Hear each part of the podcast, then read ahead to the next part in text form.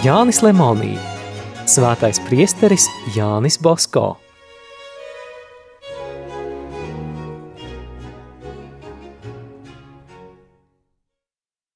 Trešās daļas 13. nodaļa – pārdabiskās spējas.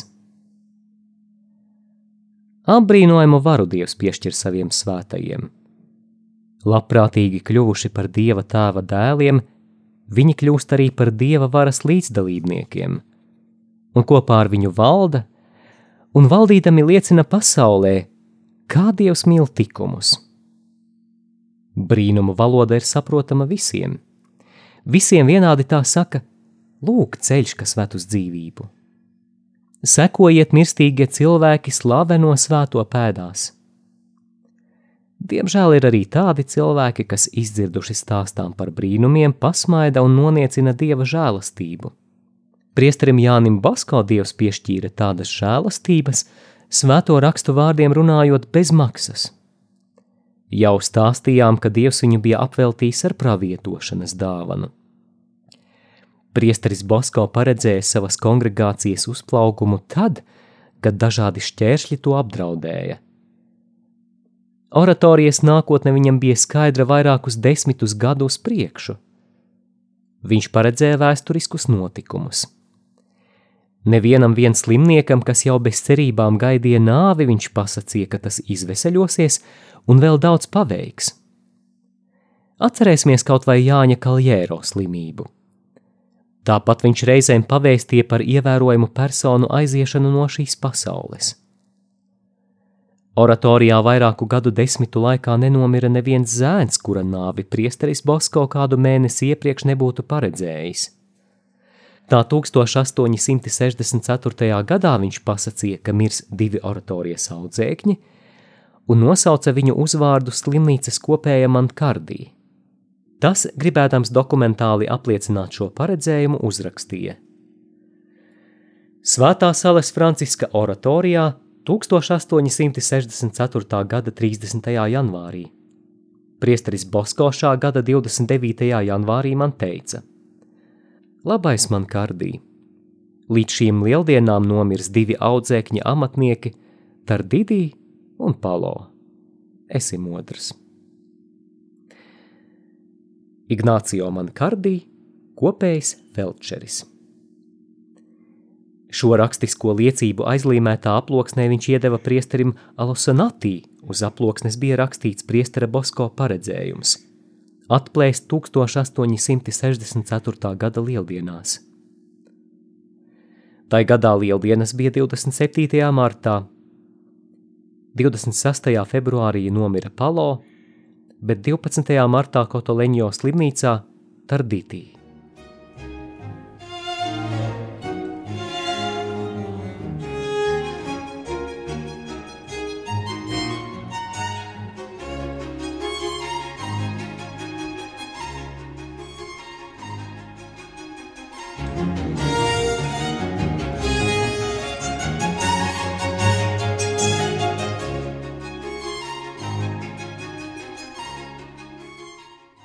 Tūkstoš 880. gadā, viesodamies Romā Tordes Pekī, Bosko saņēma vēstuli no kādas francūzietes.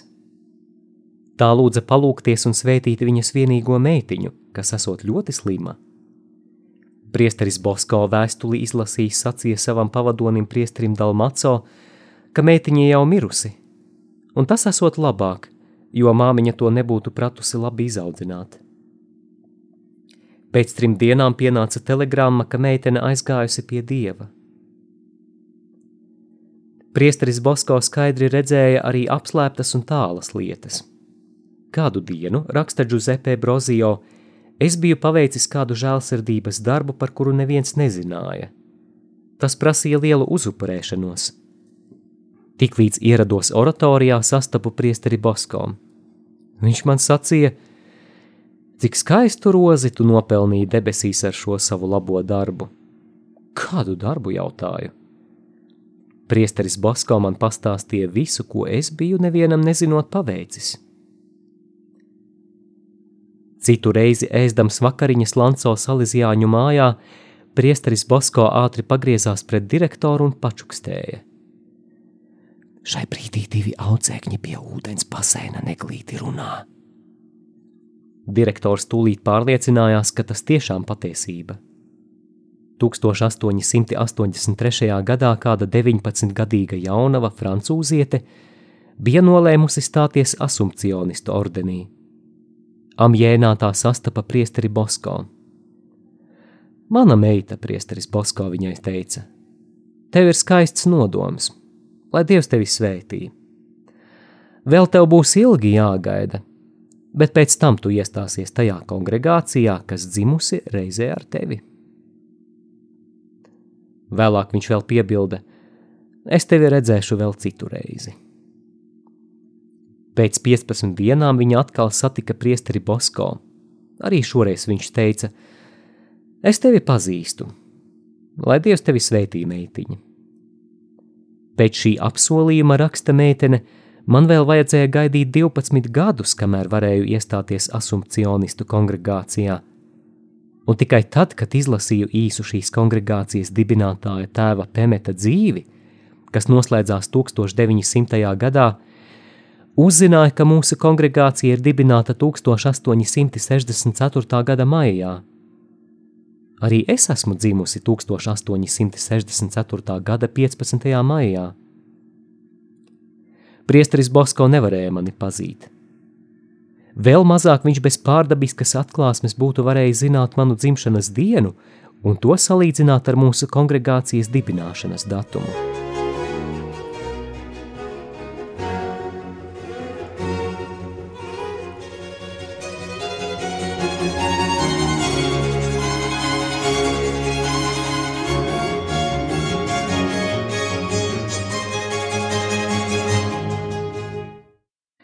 Jau agrāk rakstījām, ka Bosko no tālienes redzēja, kas notiek oratorijā. Tādi gadījumi notika, var sacīt, tik reizes, kad vien priesteris Bosko kaut kur izbrauca. No Lanco, Romas, Francijas, Spānijas viņš rakstīja uz oratoriju vai no oratorijas uz citu salīdzjāņu iestādi, ziņodams visu to, ko tur redzēja labu un nevēlamu.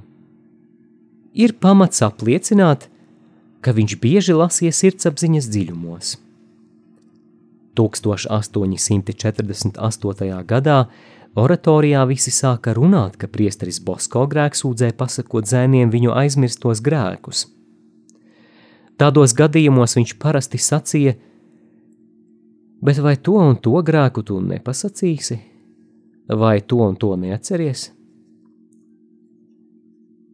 Vēl apbrīnojamāk, ka priesteris Bosko atgādinot zēnam grēku, precīzi pateica laiku un apstākļus, kādos viņš to bija darījis. Tu tai laikā, tai vietā, tajā gadījumā padarīji to un to, tik un tik reižu. Kādu dienu pēc lūkšanām raksta kāds priesteris. Pagalmā satiku kādu audzēkni, kas nesen bija ieradies oratorijā – Viņš, redzēdams ejam garām Jāni Basko, tam pievērsa lielu uzmanību un skatījās, kamēr priesteris Basko pazuda aiz durvīm. Vēlāk pret mani pagriezies, viņš jautāja: Atvaino, kas tas par priesteri? Kāpēc tu jautā, vai tu viņu nepazīsti? Jautāju tādēļ, ka šorīt biju pie viņa grēkus sūdzēt, un viņš nosauca visus manus grēkus.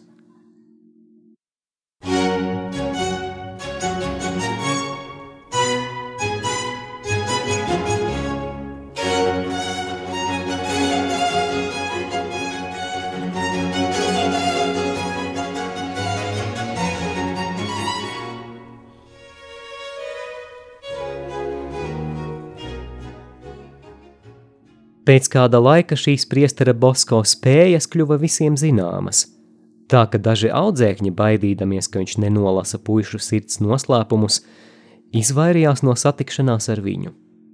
Taču bieži priesteris Bosko tos tīšām pasauca. Tad zēns atskrēja, bet noņēmis cepuri, ar to aizsedza savu pieri un nolaida acis, it kā tā varētu paslēpt savu sirdsapziņu no priestera Bosko skatiena bet priesteris prata labi izmest tīklus un viņus visus sagūstīt. Kad Basko pasacīja vārdiņu ausī, tad uzvara bija droša. Piesardzīgi un uzmanīgi, ar vienu roku aizsedzis muti priesteris zēniem pie auss pateica viņu slepenos pārkāpumus. Vienam pasacīja, Tev jāatvainojas Dievam par netaisnību. Citam noskumušajam iečukstēja, Dārgais, ja vēlies mieru, tad aizcen no savas sirds vēlnu.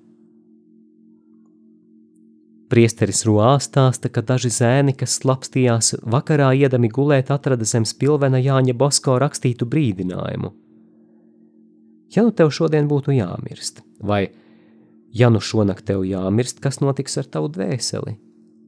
Vai tu esi tāds, kas varētu iet uz debesīm? Vai, ja tu tagad mirtu, vai tu būtu apmierināts? Ar to pietika sirdsapziņas uzmodināšanai. Jaunieši tūliņ steidzās uz priestera Bosko istabu un, pieglaudušies viņa krūtīm, izlēja visu savas dvēseles rūkumu. Nevienu reizi Bosko brīnišķīgi izdziedināja uz nāvi slimos, gan tuvos, gan tālīnos. Katrā laikā, bet sevišķi pirms Marijas Kristīgo palīdzības svētkiem, cilvēki devās uz Turīnu lūgt priestera Bosko lūgšanas un svētību. Kur tikai Jānis Basko ieradās, tūliņ ap viņu sapulcējās cilvēki. Katru dienu viņš saņēma vēstules vai telegrammas, kurās bija lūgumi palūgties par slimajiem vai mirstošajiem. Daudzi slimie, kroplie, paralizētie, kurlie, mēmie un neredzīgie viņa svētīti ātri kļuva veseli. Priesteris Albērs raksta: Grāfa de Bujonā no Rennas, Francijā, sieva bija slima ar diloni. Slimniece bija jau tik ļoti novājējusi, ka svēra tikai 35 kg. Ārsti nespēja viņai palīdzēt. Tad grāfs griezās pie priestera Bosko. Viņš uzrakstīja vēstuli aicinot par viņu nelaimīgo dzīves biedri lūgties. Saņēmis atbildi, viņš bija pārsteigts. Atvediet slimnieci uz Turīnu, lika priesteris Bosko. Grāfs domāja, ka viņš nebūs sapratis franču valodā rakstīto vēstuli, tādēļ tūliņ rakstīja citu, plašāk paskaidrojot par sievas slimību, piebilstot, ka tādu ceļojumu viņa neizturēs. Atkal Bosko atrakstīja: Atved viņu uz Turīnu. Beidzot, grāfs sāka ticēt, ka ar Jāņa Bosko lūpām runā pats dievs, un kopā ar slimnieci devās uz Itāliju. Dodamies ceļā, viņš nosūtīja priesterim Basko telegrammu. Ieradies Turīnā un slimnieci noguldījis viesnīcā, viņš devās pie Basko jautāt, ko tagad darīt. Priesteris Basko pasacīja, kādā laikā viņš rīt par slimnieci celebrēs svēto misi un aicināja abus tajā piedalīties. Kundzi nešus aiznesa uz baznīcu un nosēdināja netālu no altāra – Mises laikā slimniece spēja pati aiziet līdz altārim un saņemt komuniju. Pēc mises viņa tāpat neviena neatbalstīta gāja uz sakristēju. Priesteris Basko viņu svētīja un lika audzēt veselību. Pateikusies dāma atsveicinājās, pati aizgāja līdz pajūgam, pārādās viesnīcā, labi paēda un jutās pilnīgi vesela. Atgriezusies Francijā, viņa laida pasaulē trīs dēlus Tie visi bija spirti un veseli. Tas notika 1886. gadā.